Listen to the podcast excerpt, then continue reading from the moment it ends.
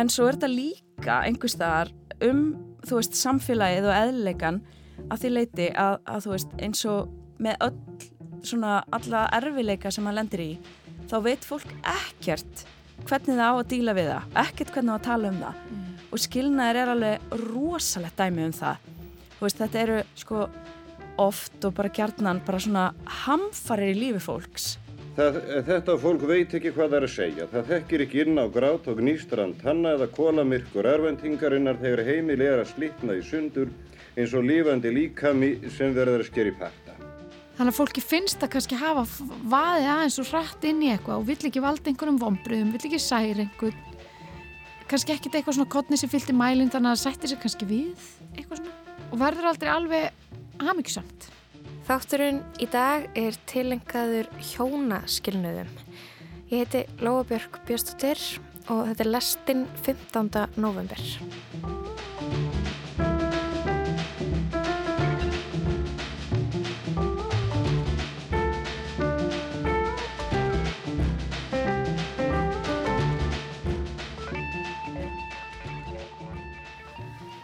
Við munum heyra alls konar brotur viðtölum frá árunum 1958 til 2021 þar sem skilnaður og ást og tilhauðalífið er rauðið þráðurinn. En áðurum við förum aftur í tíman ætlum við að ræða við tvær sviðslistakonur, tvo þriðju af þríeginu Kvissbúm Bang. Það er Efu Rún Snorradóttur og Vilborgu Ólafsdóttur. En tilirni er smiðja á lokal leiklistaháttíð um helgina sem Quiz Bung Bang stendur fyrir smiðja fyrir fráskilda. Ég byrjaði á að spyrja þær hvenær og hvers vegna svislistahópurinn Quiz Bung Bang var til. Það er ekki svolítið, það er mjög einfalt svar. Já, kom það. Nei, við sérsagt vorum, vorum saman í listaháskólunum, ég og Eva Rún og vildum búa eitthvað til þegar við vorum bara í þær mynda útskrifast, þá við bara, vorum við búin að átt og gráði við vildum vinna saman að einhverju og ákvaðum og þú veist þá þegar var hjónabandi okkur mjög hugleikið að því að við ákvaðum að búa til mynd sem, sagt, sem að fekk á endanum nafnið Trúlof. Og varð svo í raunin ekki mynd ef við byggum nú til eitthvað smá mynd en upp úr þessi, þessi ferli þá þú veist að um, umbreytist í eðlileikana sem var fyrsta síningi sem við gerðum. Og náttúrulega Eva Björk Kóper kom inn í samstarfið sem sagt áður en allt fór í, fór í gang. Við vissum að við vildum vinna saman og, og Eva og Eva þekktust og hún kom inn bara eins og já, sem sagt var með okkur frá upphæfi. Við gerðum sko bara á fyrstu mánuðum samstarfsins, gerðum við manifesto sem að hefur bara fyllt okkur alla tíð og, og það er sko, við, það er svolítið sérstætt að við engin af okkur, það sem við áttum svona sameilett var að engin af okkur hafði nokkur tíman uh, unnið í svona hefðbund, bara við hefðbundna leiksýningu Þannig að við komum svolítið svona bakdramegin inn og við höfum allar svona hérna félagsvísinda bakgrunn og mjög mikinn áhuga á svona kynjafræði og menningafræði og við vildum bara rannsaka eðlileikan í allir sinni dýrð og fá áhörvendur til þess að finna fyrir sko sínu svona samsköpunar krafti í eðlileikanum. Að eðlileikin er bara handrit, leikrit sem við tökum þátt í á hverjum degi og tökum þátt í að skapa mm. á hverjum degi. Einmitt. Og svo uh, fóruðu í smá pásu uh, og eruð komnar aftur. Er þið með fullt af hugmyndum eftir þannan dvala sem þið hefur leið í sem svona tríó eða Já, ég myndi, þú veist, við erum eh, með endalista hugmyndum sko og, og ég menna þetta konsept sem að Eva var að lýsa eða þetta, þú veist, þessi grunnur sem við erum alltaf að vinna með, rannsóknir og eðlileganum er bara stöðu uppspretta svona spurninga og stöðu uppspretta rannsóknar efnis. Þannig að við sérst fórum allar í sikkur áttina í rauninni svona, uh, já, ég, er eiginlega ekki hægt að segja það, við höfum alltaf eiginlega haldið hópin þjætt allan tíman og sem sagt svona inn á milli verið að gera veist, útvarsverk og kenna í leista áskólanum og svona einhvern veginn það hefur alltaf verið svona mallandi undir niðri. Og svo erum við náttúrulega bestu vinkunur þannig að við hittist reglulega og tölum um, tölum um alls konar. Eðlert og eðlert og hérna já og semst þannig ég myndi segja að við séum að koma núna bara aftur að þessu með endalesta hugmyndum. Mm. og náttúrulega já alltaf. Mm Já, við, við kerðum svolítið, við gerðum síðasta árið sem við vorum í þessu bara full time, þá gerðum við sko fjóra frumsýningar á einu ári. Mm. Þannig að við þurftum bara svona aðeins að bara svona finna smá hjartengingu aftur og, og svo erum við búin að fá alls konar hugm, bara alltaf með ykkur svona hugmyndir sem að, að var gaman að gera. En þetta er svona eili fyrsta skipti sem það kemur líka bara svona leið að hugmyndinni og bara svona algjört svona, þetta var svo aðkallandi mm. því að okkur langar alltaf svo að vinna með eitthvað sem tengist okkar raunveruleika og núna allt í hennu bara 5-6 árum eftir að við unnum eitthvað almennilega saman eða 7, ég veit ekki hvað er komið mörg ár síðan mm. þá erum við bara allar einhvern veginn búin að gangi gegnum þú veist, eitthvað svona alveg nýja reynslu einhvern veginn mm. og þá, og líka já, þá einhvern veginn og líka skemmtilega tengingi við þar sem við byrjuðum í hjónabandinu Akkurat. Mm -hmm, að vera núna að velta fyrir sér skilnaði. Já. Um, þannig að, ok, þeirra velta fyrir ykkur skilnaði, fólki er búið að koma e, í þarna, í svona e, smiðju og taka þátt í svona rannsókn, e, skilin S-K-I-L-I-N er þeirra að vinna rannsóknarvinni fyrir sjálfsefisögulegt verk sem fjallar um menning og arfleð hjónabandsins og ekki síst algengan fylgifisk þess skilnað. Sko það er náttúrulega svo ótrúlega margt sem maður getur skoðað þegar maður er að skoða hjónaband og, og skilnað. Hvar byrjuðu þið eiginlega? Hvar, hvar er þið mest búin að vera? Sko, já, þetta er góð spurning.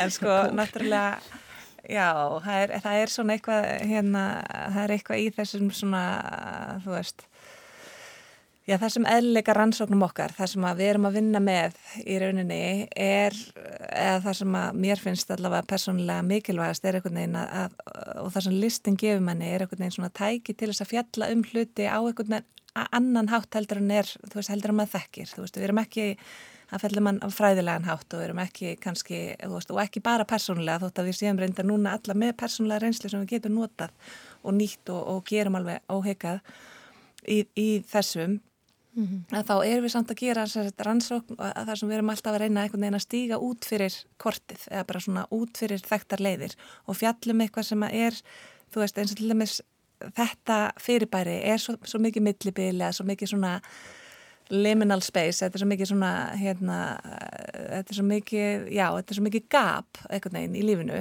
og, og okkur hefur einhvern veginn fundist að það sé ekki þú veist, ég veit ekki alveg hvað er svona plattform til að tala um það þú veist, þetta er svona kannski sekundari sorga einhverju leiti og það er svo margt í þessu sem að já, nú hendi ég þessu bara fram eins og ekkert sé sekundari mm. sorg, en þú veist, það er alveg það er svolítið svona e, já, kannski stærra koncept sem þarf að útskýra betur en, en e, það sem okkur langar að gera og það sem við erum alltaf að vinna með er einhvern veginn að fjalla um hluti, þú veist á einhvern annan hátt heldur hann kannski með fræðum eða með tungumálunu eða með, þú veist, mm. þessum leiðum sem við þekkjum en samt náttúrulega notum við mm. þessi verkværi en bara, þú veist, við erum bara já, bara svona einhvern veginn að útvika mm.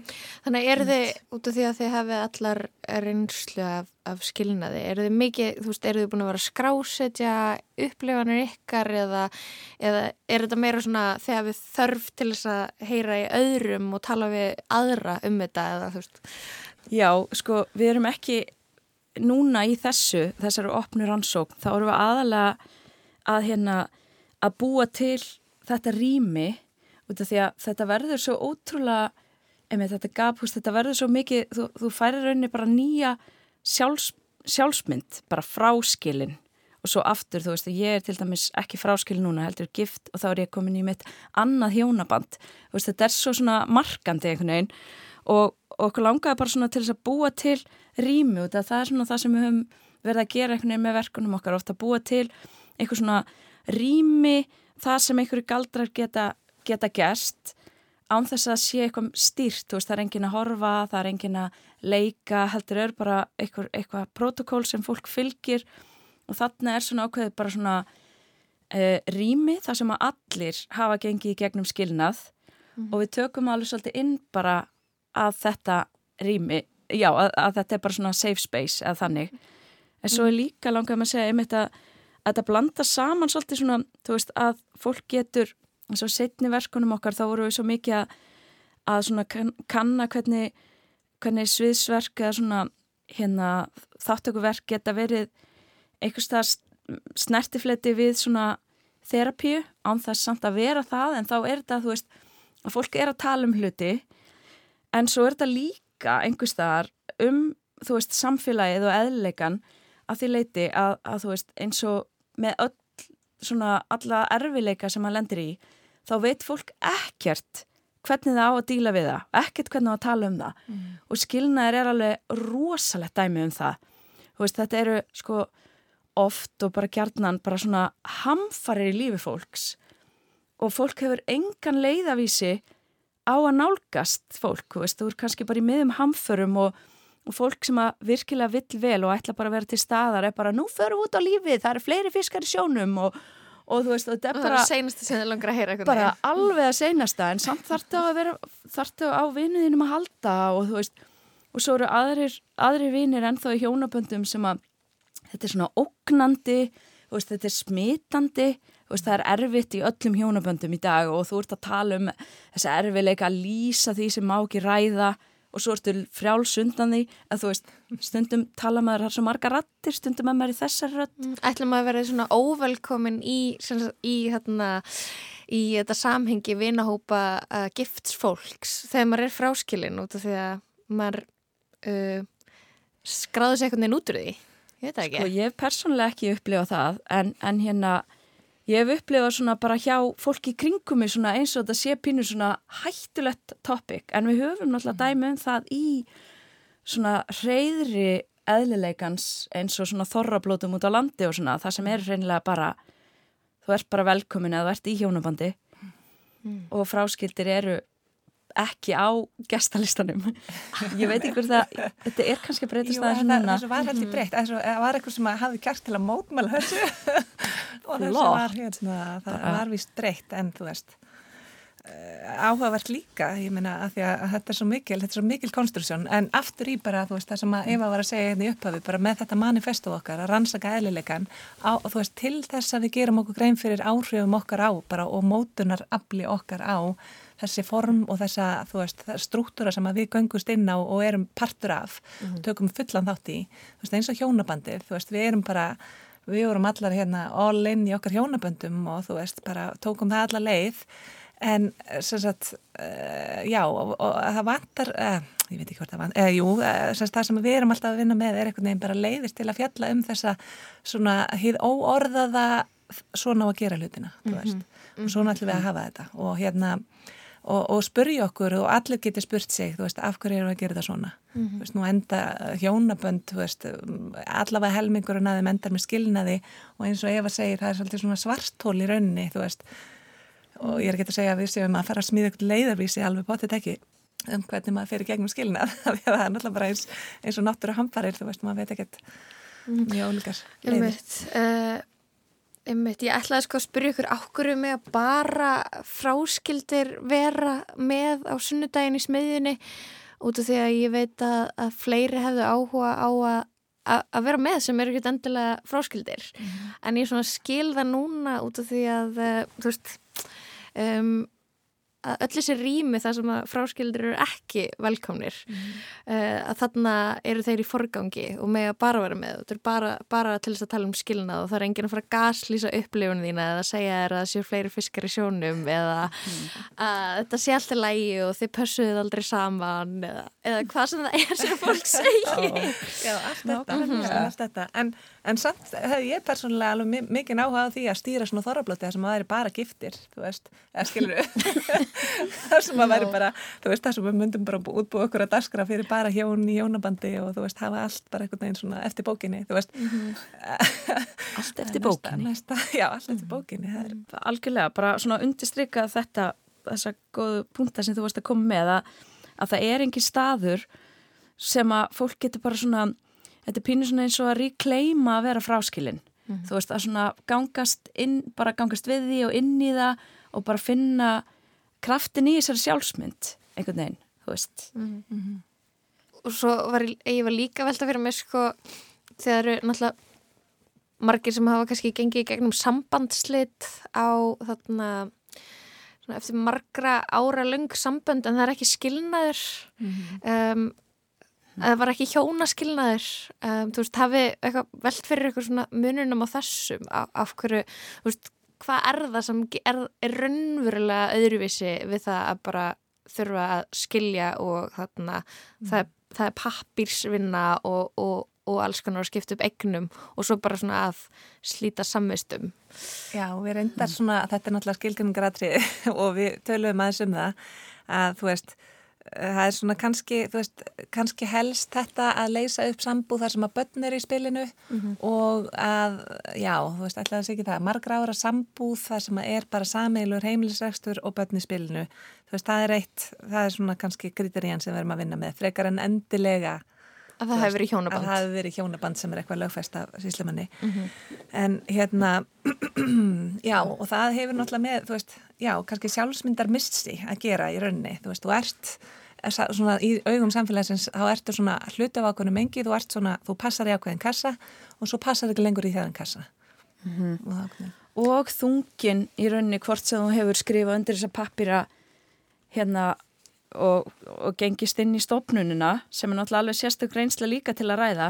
En þú veist ef þú, ef þú átt keftir eignir með mannesku og tala nú ekki um bara þú veist börn og ert að, að hérna rifta þessu þá er það alveg einmitt hérna svona sambarilega þú veist þá, þá er við, við svona eftir ákvörunar hérna fund, matsfund þá hérna var það samþitt sem það er skilnaður náttúrulega bara klárlega. Það er hérna það er þessar hamfarir. Einmitt.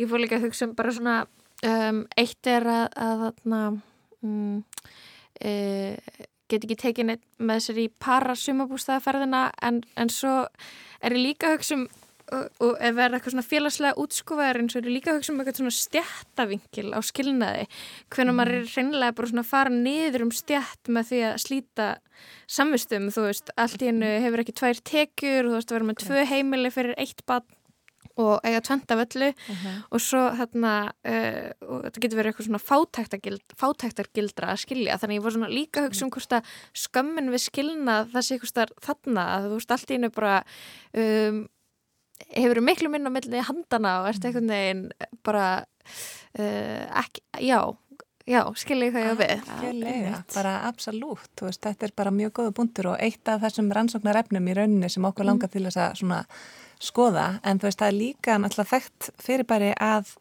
yfirleitt er það konur, eh, þú veist, haldast lengi í hjónum, eða lengur í hjónaböndum og oft í hjónaböndum sem verður mjög skadaleg fyrir þær og börn og bara já, er bara ekki gott fyrirbæri vegna þess að það er erfitt fjárhagslega að slíta sig út úr þessu mengi. Og þá náttúrulega, þú veist, verður maður að spyrja sig akkur eru við að bú, útbúa, þú veist, akkur eru við búin að taka þessa ákvörðun að það, það þurfa að vera tveir í heimili? Og það þurfa að vera tveir, þú veist, tvær tekjur til þess að halda einu heimili gangandi, þú veist, hvað hvað slið eiginlega ákvörðun er þetta? Þú veist, þá erum við í rauninni alltaf að binda okkur við eitthvað annað. Um, eitthvað aðra manneski, þú veist. Og ég meina, þetta er allt í okkar höndum, þú veist, þetta er allt ákvörðunir sem við höfum tekið sem mannfólk að hafa þetta svona. Og þá væntanlega höfum við vald til að velja annað.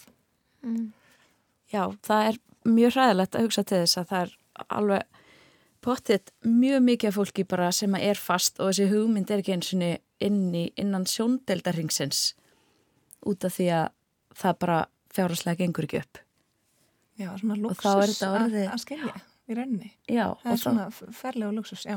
Einmitt, það er luxus það, er, það er svo margt það er líka þetta, þú veist, þetta er svo margt og bara frá einum skilnaði eru þú veist, oftast marga sögur einhvern veginn mörg tímabil Mm. það breytist upplifunin það er svo margt við þetta en hérna uh, já, þá er þetta líka orðin allt annar samningur Mm. þú veist, þegar þetta er orðin einhver hérna gildra, þú veist. Algjörlega. þá bara, og hvað er þetta þá? Er, er síslumöður að fylgjast með því, þú veist? Ef þetta er svona, þú veist, maður skrifar svona heilalega undir einhvern einhver hérna lovorð og svo breytast alla fossendur einhvern veginn, núna allt í einu er náttúrulega bara miklu, miklu, miklu verri félagslegri staða heldur en þegar margir giftu sig. Þú veist, eða þá ekki fá bara einhverja skadabætur þú veist, ég skrifaði ekki undir það að setja föst út af félagsvanda í landinu sem ég bý í. Þú veist Bara ég vissi ekki að, að húsnæðismarkaðurinn er svona að verðbólgarinn er svona þegar ég ákvaði að gifta mig 2010 og, og byggð eftir félagsýbúð tæki 20 ár. Eða þú veist og verkamannabústæðir voru kannski til þegar fólk skrifaði undir skilnaðapapirana þú veist, Einmitt. þetta er bara þetta er, það er mjög margt í þessu sko Mm -hmm. og að því hún nefnir skömmina þú veist, hún er í svo mörgum lögum þú veist, mér veist hún líka svo áhugaverði í þessu sammingi, að svona samfélagslega ymmit, þú veist hérna, sög sér með fjárhaldslegu hliðina, hvort maður þú veist, stýði niður um stjætti eða hvernig það er. En bara, þú veist, það svo margt í einhvern veginn bara, einmitt eins og að var að segja þú veist, sjálfsmyndin, þú veist, að vera fráskilin, þú veist, líka við að maður vilji bara alls ekki þú veist, einhvern veginn tengja, eða þú veist, maður vil ekki Þa, Það er svo mikið klúður, þú klúðraðir þú veist bara að segja, herri já, ég tók lélega ákvörðun og ég klúðraði þessu öllu og ég gæti ekki bara fara til hjónabandsrákjafa ég gæti ekki bretta þessu. já, já, ég gafstu Já, nákvæmlega, bara fokk upp bara, bara mistök, mistök. sem eru, þú veist einmitt, mm. tilfinningarlega og á öllum mögulegum hliðum bara rándýr og þú veist, þú ert að rýfa þig upp frá rótum einhvern veginn og þetta er mm þetta er svo, já, þú veist einhvern veginn með þetta klúður bara hérna fyrir framann alla mm -hmm. og allir setja sig inn í þetta. Makala, Allir hafa skoðun á því einhvern veginn. Já, þetta mm. er bara mjög, mjög margt. Þetta verður svo spennandi smiðja á sunnudaginn, byrja klukkan hálf tíu á sunnudagsmórni um, hvað þarna hvað er það fyrsta sem það ætlaði að gera með þarna þáttakendum eða þið viljið kannski ekki segja en, en ok, kannski viljið segja frekar hver, hver, hverju, já, ok kannski viljið ég segja. Hva, þarna, hverju, hverju með þáttakandur eiga von á?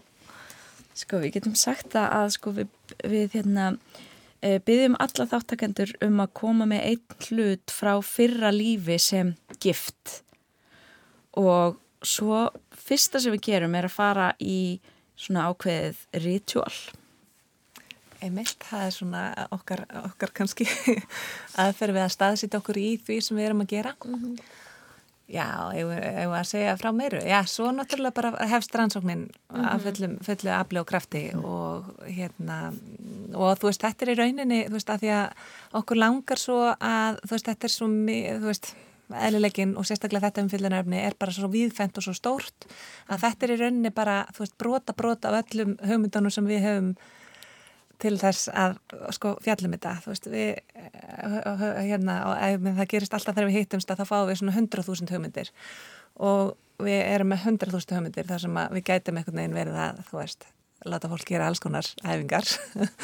En við þurfum aðeins að takmarka því að tíminn er nömmur og þá er bara spurningum að þú veist okkur langar náttúrulega að stekka og þú er rauninni að sjá, þú veist hvort við getum stekkað bæði vinnustofuna og svo líka bara, já, Við sjáum þetta rauninni fyrir okkur sem svona tvíþætt í raun að, að þetta er bæði sér verk út af fyrir sig og bara þetta rými og að taka þátt í þessari opnunansókn og svo langar okkur að gera þetta alveg, alveg oft og sapna um leið efni til þess að gera verk sem að væri líka fyrir bara opið fólki. Mm -hmm. Það, það þyrti ekki þessa reynslu til að upplifa. Akkurat. Mm -hmm. Það hefur verið talað um sko í kringum mig að það sé skilnaðabilgja í gangi þannig að mjög varst eitthvað neginn tímasetningin á þessari vinnusmiðu frekar góð Hafið þið tekið eftir skilnaðabilgi eða er það bara tilfinning í, í mínu mengi?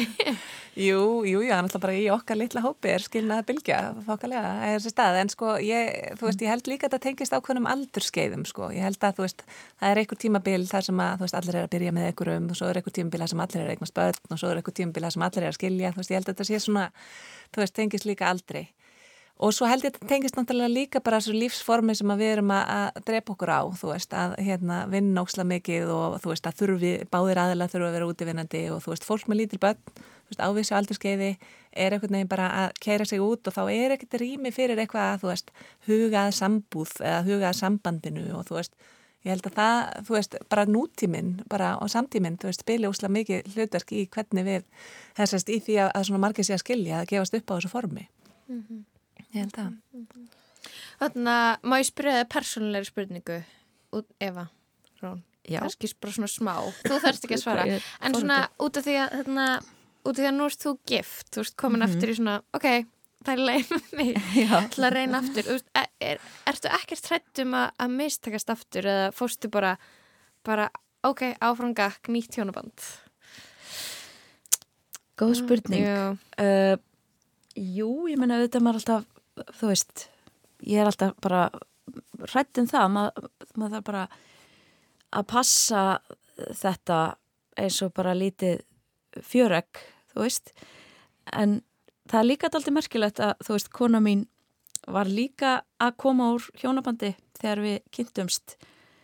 Og ég held að það hafi verið svona eina leiðin einhvern veginn inn í þetta að vera bara með þessa sameiglegu reynslu. Þetta það var bara þú veist, það var svo ótrúlega hjálplegt þú veist, þá vorum við bara í rauninni saman að vinna úr okkar bara fyrir hjónaböndum saman og að nálgast hverjara og tengjast. Og jú, þannig að þetta er bara eitthvað sem er hérna verkefni á hverjum degi. Og einhver áhætta sem þú ert til í að taka. Já, já. Ég er, ég er til í að taka hana. Ég, ég ætla samt að reyna að vera bara í þessu hjónabandi að fa- að fara ekki aftur í gegnum skilnar Ok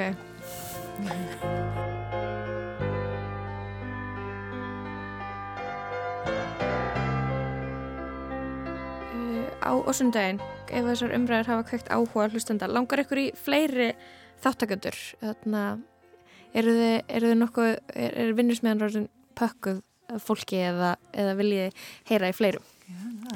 Sko það eru alveg, þú veist það er nóg en ef við ekki að segja, þú veist ef einhver heyrir þetta og er bara. Já, bara, bara við getum- koma já, Já. Þá, þá búið, er bara, já, þá er bara, það er pláss Já, það, er pláss. Það er ennþá pláss. Ok, Akkurat. spennandi. Uh, ég er ótrúlega forritin að að vita hvað kemur út úr þessu. Ég fylgist spennt með uh, vildi óskaðis að ég væri fráskilinn svo ég geti komið á sunnudaginn. Þannig að takk hérlega fyrir komuna í lestina uh, tveir þriðju af Bung Bang, Vilborg og, og Eva Rún. Takk fyrir okkur. Takk hella fyrir okkur. Ég sé þau þreytt með barnavagnin baksa heim á kvöldin. Þar býða brjöð með rukkunum sem byrta ógreitt gjöldin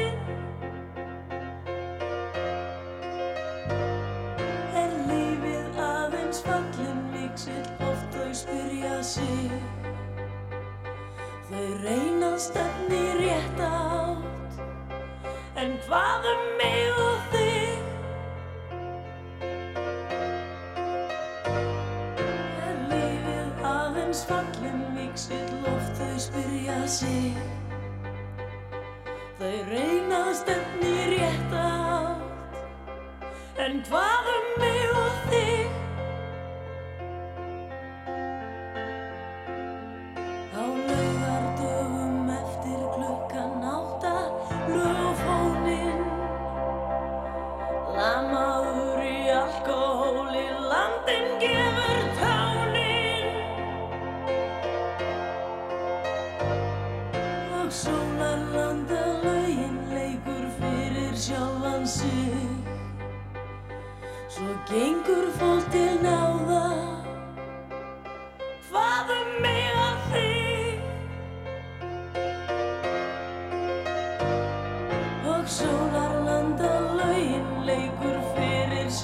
Sjálfan sig Svo gengur fólk til náða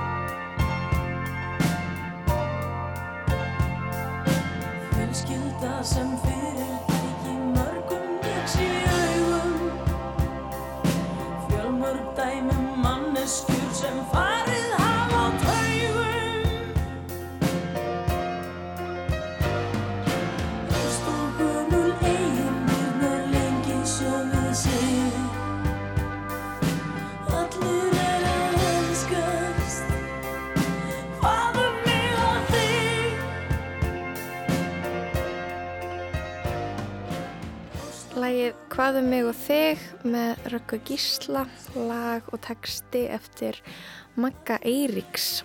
Þetta voru þær Vilborg Ólastóttir og Evarún Snorradóttir úr Kveisbung Bang. Þær verða með smiðju á lokal um helgina, smiðju fyrir fráskilda og uh, ef fólk hefur gengið gegnum skilnað þá er hægt að sækja um að taka þátt í smiðjunni með því að senda post á lokalreykjavík.gmail.com Um, það er algjörar fórsendur fyrir því að, að, að geta tekið þátt í smiðunni að hafa gengið gegnum skilnaði eða slitið samvistum. En það er ókipis að taka þátt, það er að kynna sér þetta betur með því að kíkja á netið næst ætlum við að kíkja ofin í kistu ríkisútarsins við ætlum að halda áfram á svipum slóðum og pæla í orsökum hjónaskilnaða, tilhugalífi fráskildra framakvenna og makavali.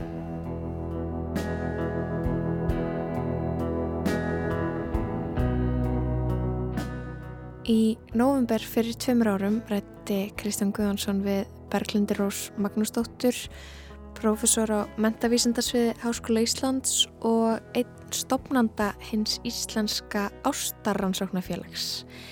Tilefnið var væntanleg útgafa sérhæftis ritsins sem var tilengað romantískri ást í íslensku samfélagi.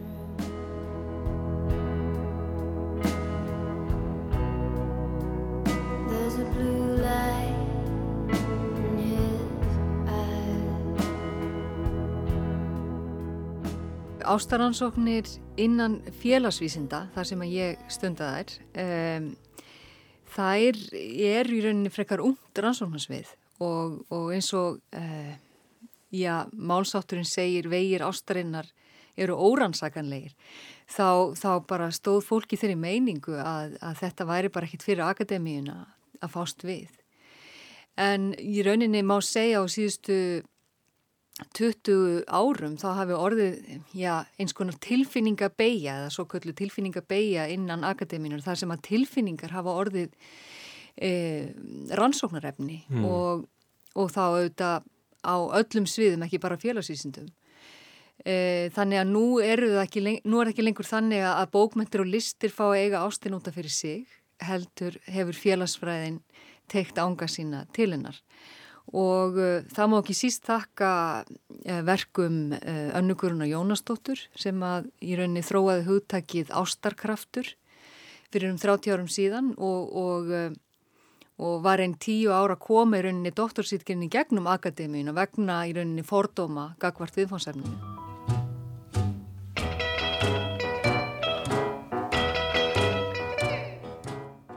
Hvað er eiginlega gagnið í þessu? Af, af hverju eigum við að vera að skoða ástina svona? Þetta er mjög góð spurning. Hvert er gagnið í að afbyggja eitthvað svona mistýst og, og dásanlegt fyrirbæri? Eh, það er kannski eh, mitt einfaldasvar við því af hverju ég fór að skoða þetta. Eh, var einfallega að ég kem semst úr uppeldisfræðum eh, fræðum og, eh, og þar hefur náttúrulega mikið verið, þar er mikið verið að fjalla um eh, tengsl foreldratengsl, umhyggjutengsl og, og uh, umhyggju sem uh, fyrirbæri. Og það sem við erum að sjá í okkar nútíma samfélagi það er að verða svo mikið leysing á öllum tengslum. Og það er, þá er ekki bara að tala um uh, aukna skilnaði og uh, við, það er líka bara gegnum samfélagsmiðlana og, og uh, e, já, það sem hefur oft verið nefnt sko ákveðna markasvæðingu inn á e, sviði engalífsins sem gerða verkum að, að e, fólk slítur tengsl miklu frekar en áður. Það er miklu öðvöldar að líka búið til ný tengsl.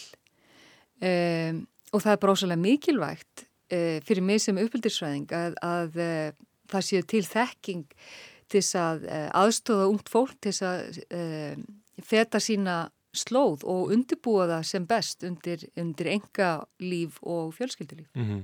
Og það er auðvitað eitt af stóru hlutverkunum í uppbyldisfræðinni. Einmitt. Og þetta er náttúrulega, ástin er kannski einn helsti drivkrafturinn í uh, hegðun einstaklinga og, og, og órar okkar snúast um þetta og svona og, uh, til þess að skilja, skilja af hverju við gerum það sem við gerum þá kannski er mikilvægt að, að skilja hvernig við skiljum ástina. Og, Já og, og líka undirbúa okkur, já til dæmis vitum við núna að, að það er nánast óhjákvæmilegt að verða bransi oft fyrir ástasorg á, á lífsleiðinni. En við undirbúum fólk ekkit fyrir það. mm -hmm. Um, það er líka varðandi aðgengi að, um, að fólki. Við kunnum einhvern veginn ekkert heldur að setja mörg. Við tæmum okkur auðveldlega. Við erum með Excel-skjál yfir vinnukraftin okkar en við erum ekki með Excel-skjál og hvernig við ráðstöðum vinnukraftinum og hversu mikla peninga og svo framvis við fáum fyrir hann. En við erum ekki með yfirsýn eða mm, kunnum alveg að setja mörg hvort okkar eigin ástakrafti við gefum mögulega og gefum inn í ekkert mjög óljóst tengsloft uh, og svo hverfa þau eða, en kannski gefum ekki eins mikið á okkur og við hefðum viljað gagvart þeim okkar nánustu. Mm -hmm. uh, við erum ekki komið með um, hvorki yfirsýn nýja skilning eða stjórn á þessu breyttu forsendum og, og mér þessan er svo mikilvægt að við áttum okkur á okkar eigin ástakrafti og hvernig við deilum honum. Þetta var brot úr viðtali við Berglindi Rós Magnúsdóttur sem var í viðtali í lestinni fyrir tveimur árum. Næst ætlum við að rifja upp þættina Glans sem að voru í umsjón önnugiðu Sigurgísladóttur og Katrínar Ásmundsdóttur en þær fóru með hlustendur á tímaflakk og í þessum þætti frá 2020 er hjónaskilnaður viðfangsefnið. Anna Gíða tekur við. Í kvöld spyrjum við. Hverjar teljið þér tíðastar orsakir hjónaskilnaðar? Í samtalstættinum Spurt og spjallað sem útvarpa var árið 1958 leiti Sigurður Magnússon umræður út frá einni hafar nákvæmri og, og skemmtilegur og ekki skemmtilegri, ég veit það ekki en allavega hafar aðteglisverðri spurningu. Ég endur tek. Hverjar teljið þér tíðastar orsakir hjónaskilnaðar? Fjórir þáttakendur tóku þátt í því að svara spurningunni. Þetta voru þau Auður Auðuns, lögfræðingur og síðar alþingismadur, síra Jakob Jónsson, prestur, Valborg Sigradóttir, uppeldisfræðingur og Þórarinn Guðnason, læknir. Nú eru rúmlega 60 ár síðan að þessar vangaveltur áttur stað og jú þetta eftirtækt að heyra hver mikið hefur breyst, hvað var þar við þorsti hjónabands og skilnaðar, en á hinbóin er einni aðtilsvært að heyra að ímislegt hefur ekki breyst en það kannski eitthvað við eðli ástarinnar og rómatís samskipti fólks tilfenningaleg vandamál hjóna sem að stendur í stað gegnum breyta tíma. Við byrjum þáttin í dag á því að hlusta á framsögu erindi hvers þáttakanda fyrir sig sem að svaraði áðurnemndri spurningu í þættinum Spurt og svarað árið 1958. Auður Auðuns lögfræðingur tók fyrst til máls.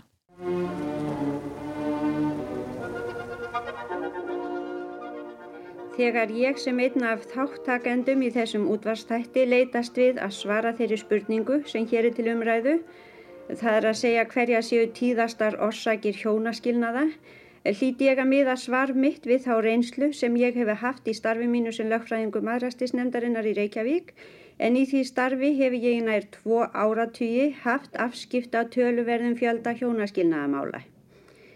Nú vil ég áður en lengri er haldið taka það skýrt fram að það er hæpið að draga af svari mínu almenna álíktun í þessum efnum. Veldur því aðalega tvent. Í fyrsta lagi eru það einverðungu eða svo til einverðungu konur sem til mín leita í sambandi við skilnað. Ég kynnist því vandamálum hjónabansins af þeirra sjónarhól. Hins vegar hef ég sjálfnast tækifæri til að ræða við hinn aðilan, eiginmannin, í trúnaði á sama hátt og konuna og kynnist því ekki viðhorfi hans til erfileikana í sambúðinni eða hvað hann kann að telja aðalega valda því að hjónabandi er að fara út um þúfur. Í öðru lagi er réttar hjálp svo sem maðrastisnefndin veitir og er ókeipis miðu við það að liðsina efnalitlu fólki og má vera að í hópi skjólstæðinga nefndarinnar sé það því tiltölulega tíðara en almennt gerist að fjárhags örðuleikar eðileggi sambúð hjónana. Nú til viðbótar mætti skjóta því hér inn að sjálfnast mun vera um aðeins eina ástæðaræða sem skilnaður orsök, heldur fleiri samverkandi orsakir þó að einhver einstök sé þingst á metónum.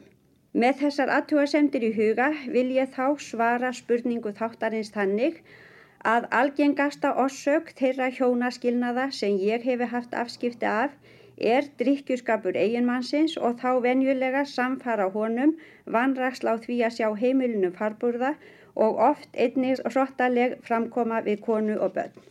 Nú af öðrum skilnaðar ástæðum virðist mér að helst mætti nefna ósamlindi hjónana, ofbeldist neyð mannsins, einnig hjúskapabrót og virðist mér þó hið síðasthalda sjaldnar orsök skilnaðar en almennt mun vera álitið. Hinn sívaksandi fjöldi hjónaskilnaða er eitt til alvarlegasta þjóðfélagsvandamál nútímans. Það er ekki svo íkja langt síðan hjónaskilnaðir voru næsta fátíðir og viðhorf almennings til skilnaðar var slíkt að á þá var í rauninni litið sem meiri háttan neyksli og neysu fyrir hlutadegendur. Það sem gerst hefur er ekki það að fólkið eða hjónaböndin yfirleitt séu lagari en áður var heldur hitt að almenningsálitið virðir ekki óhaganleik hjónabansins á sama hátt og áður var. Í því sambandi kemur mér til hugar að maður heyri því oft fleikt að svo sé komið virðingunni fyrir hjónabandinu að fólk hlaupi til og skilji strax þegar eitthvað bjátar á í sambúðinni án þess að reynd sé til hlítar að sigrast á vandanum. Ég verð að segja það að í þeim tilfellum sem ég tekki til hefur mér yfirleitt vist að reynd hafi verið eftir mætti að halda sambúðina áfram meðan undvar og ekki verið rasað að skilnaði. Hjónaskilnaður og aðdragandi hans er harmleikur í lífi þeirra sem fyrir verða og þó er ef til vill sorglegast það að hann bytnar oft harðast á þeim sem síst skildi, þar að segja börnum skilina foreldra. Allar aðgerið til þess að sigrast á þeim vanda sem sífjölgandi hjónaskilnaði skapa hljóta byggjast á því að finna orsakir meinsins. Þó þessum þætti sé ætlað að vera fyrst og fremst til dægrastýttingar fjallar hann þó um orsakir alvarlegs þjóðfélagsvandamáls og væri vel ef hann vekti hlustendur til íhugunar um það hvernig úrverði bætt.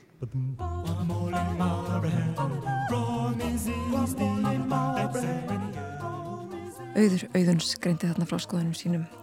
Nú lustum við á sér að Jakob Jónsson svara spurningunni hverjar talið þér tíðastar orsakir hjónaskilnaðar?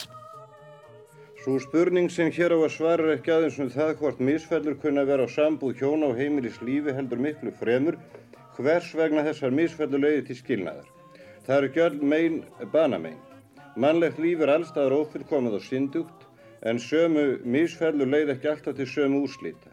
Ég vil til dæmis vita til þess að örðuleikar sem á einu heimili urðu til að færa hjónin hvort nær öðru og leitu til dýpri skilnins og nánara samfélags urðu öðrum hjónum á fótakepli og allu fyrirlitningu, óvild og skilnaði. Hjúskapar örðuleika margra hjóna líka í því að þeir stopnuðu til hjónabans að fljótferðni í upphafi stundum í óraunsæri tilfinningavímu en næðu oft vegna þess að aðrar ástæður kölluðu að. Nokkuð stendur þessi fljótferðin í sambandi við það að einhvern veginn hefur svo fyrra komist inn hjá ungu fólki að allt sé í lægi með að byrja hjúskap því að það sé þá ekki annað en að slíta sambúðinni aftur eða ekki sama. Það, þetta fólk veit ekki hvað það er að segja. Það þekkir ekki inn á grát og gnýstrand hanna eða kólamirkur erfendingarinnar þegar heimil er að slítna í sundur eins og lífandi líkami sem verður að skeri parta. Eða þó að hjón hafi gifst, að vel aðtúður á því, reka þau samt, sig samt á örðuleika sem félast í mann eðlinu sjálfu og ekki vera yfirunnir nefnum við strangum sjálfsaga. Hér á ég við einstaklingshyggjuna eða sjálfselskuna. Eftir þessa upprifjun frá árunnu 1958 í þáttunum Glans rætti Anna Geða Sigurgísladóttir við Kristínu Tómasdóttur hjónubandsráðgjafa. En ef að svo margir er að skilja Hvað þýðu það? Þýðu það að fólk er almennt að velja sér ranga maka, það er á villigötum þegar það kemur að ástinni. Hvað, hvernig sér þú þetta? Ég var svolítið glöð að heyra þarna, var það ekki, eh, hver, það var einhver þeirra þarna sem að var að nefna að fólk væri bara illa parað og þarna var líka kom fram að sko giftingaraldur hafi lækkað. Það týðkaðist ekki að gifta sér svona ungur en í kringum hann 1958 þá hafi giftingaraldur lækkað sem hann hefur ekki gert upp á síkasti, þú veist, nú er hann orðin frekar hár með við það sem hann var þarna, þarna var, var fólk bara að gifta sig 18, 19, 20 ára. Og þau segja alveg bara, fólk hefur kannski ekki endilega þroska til að velja sér það sem að það þarf í parsambandi á þeim aldrei og ég er alveg sammála því. En ég held að það tengist ekki endilega aldrin ég hef alveg trú á pörum sem hafa byrjað saman 16 ára og, og þroskast saman rétt átt, ég held að aldurinn per se skipta ekki mestumáli en ég hef stundu gert grínaði að fólk mætti alveg vanda sér meira þegar það er að velja sér maka. Við vöndum okkur alveg rosalega mikið þegar við erum að velja okkur hundategund til dæmis. Þá bara skoðum við ættbækur og eiginleika og við prófum hunda og hesta líka þeir eru prófaðir rosalega mikið og hérna mismunandi karaktera líka skoðaðir og svona. En mér finnst stundum parsambönd þróast af tilviljun fólk segi bara já, við kynntum þess að tindir og svo fór þetta, leði þetta, þú veist, gekk þetta frekar svona rætt fyrir sig og svo er ég bara nólétt eða eitthvað svona mm -hmm. og bara óvart. En okkur er fólk ekki að prófa makana mm -hmm. lengur eða hvað hva sko, ég held líka að þetta sé svona, hann lísti þarna, hvort það var ekki, var ekki bara pasturinn sem sagði eitthvað svona tilfinninga rússibaninn sem fer að stað er eitthvað sem fólk heldur að sé ást mm. það er það ekkert endilega, ég las einhvern tímanna að við þyrstum tvö ár til þess að vita hvort við værum í raun og veru ástfangin því það villir svolítið fyrir okkur þessi gleðihormón sem við framköllum það villir fyrir okkur sko ímyndin um gott parsamband ímyndin um einhvern einstakling og svo stendur hann kannski ekki alveg undir því. Þannig að það þarf ákveðin tíma til þess að vita er þetta rétti makin fyrir mig? Og svo heyri ég stundum svona, við getum ekki fara að hætta með hann núna ég er búin að hitta alla fjölskyldinas Þannig að fólki finnst að kannski hafa vaðið aðeins og rætt inn í eitthvað og vill ekki valda einhverjum vombriðum, vill ekki særi einhvern, kannski ekkit eitthvað svona kottni sem fylgti mælinn þannig að það sættir sig kannski við eitthvað svona og verður aldrei alveg hamingsamt. Nei, svo sérst á tölum þá er greinlega erfitt að finna hann rétt að maka. Það er nefnilega mjög erfitt, þetta vex ekkit á hvaða stráið sem er. En er það erfitt að því við erum alls svo flókin hvað, hvað er það svo erfitt? Mér finnst sko hjónabansráðgjafar vera vannmetinn auðlind í þessum efnum mér finnst bara ég eigi að vera svolítið í þessu og það hefur náttúrulega alveg verið gert í gennum tíðina það er til svona hérna, fólk sem bara sér hefur sér í því að para sama fólk og vilji því ekki fara á date og eitthvað svona speed dating og eitthvað svona Finnst þú heldur að þú virki betur en Tinder? Ég held að ég virki betur en Tinder en ég held að ég virki kannski aðalega betur en Tinder til þess að hjálpa einstaklingnum að hjálpa sér. Mér finnst eh, hérna, fólk sem eru að lausa allt og lítið vera að leita til hjónabalsökja en ættu kannski að gera það einmitt til þess að fá bara aðstof við að svona áttu að sá því hvað er það sem þú vilt og, og hérna, að hvert að leita og hvað var kannski best að gera það. Kristín Tómasdóttir hjónabandsráðgjafi talaði við önnu giðu í þáttunum Glans árið 2020. Næst ætlum við aftur í lestina og gefa Kristjáni og Berglindirós Magnúsdóttur orðið. Hérna, þú ert að skoða tilhugalíf fráskilina frama hvenna. Segðu mér frá þessu. Já, uh, það, það er náttúrulega alltaf mjög áhugavert að velta fyrir sig sko þegar eh, maður er að hefja sko nýtt rannsóknarsvið. Hvar á að byrja. Og þetta er svolítið yfirþyrmandi því að það er einhvern veginn ekkert til.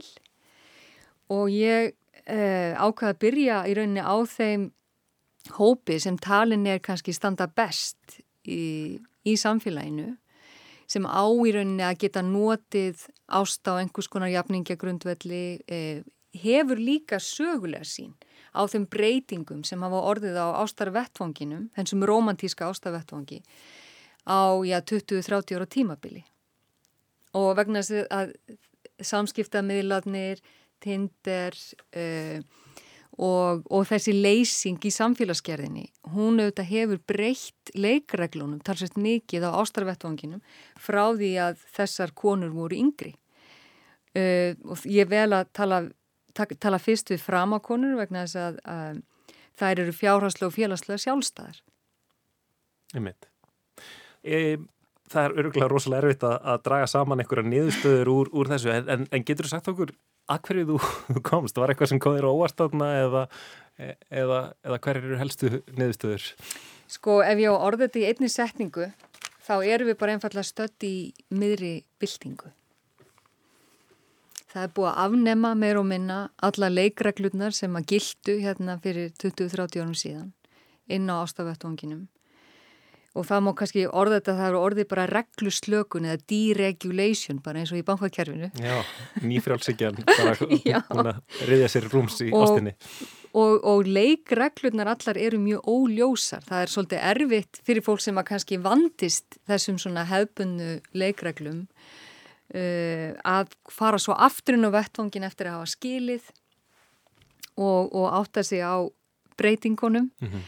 og uh, og það er auðvitað meira uh, en áður um svona, já, einhvers konar neysluvæðingu á, á líkamum og, og, uh, og líka ástartilfinningum, svona fólk er fyrst og næst að, já, sækja sér kannski, um, já, að reyna að upplifa sterkar tilfinningar sem einhvers konar neyslu Uh, og svo þegar að tilfinningarna fara kannski að jafnast og dvína að þá er bara farið aftur.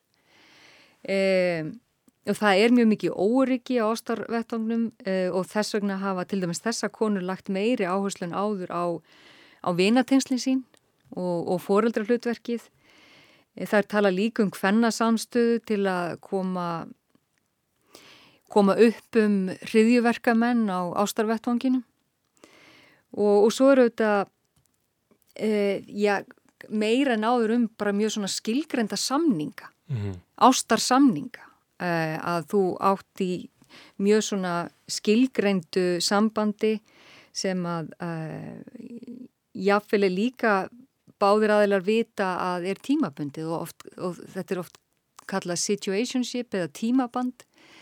Eh, og þessi hugmyndum hérna eilífu ást, hún er svolítið á undanhaldi allavega hjá þessum hópi. Mm -hmm og, um, og það er já, talsverður ótti við ofmikla skuldbindingar uh, og uh, já, þannig að innrás nýfrálsíkjunar inn í engarými tilfinningana hefur umbreytt og trublað það sem við höfum gengið að sem gefnu.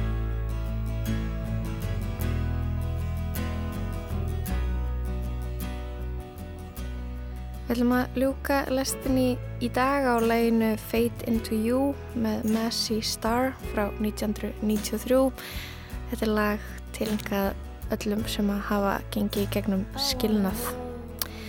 Ég heiti Lóabjörg Björnstóttir og tæknumæður í dag var Lítiða Gretarstóttir. Lestin verður aftur á dagskrá á morgun en það eru auðvitað hægt að hlusta hvernig sem er á spilararúf. Bless, bless.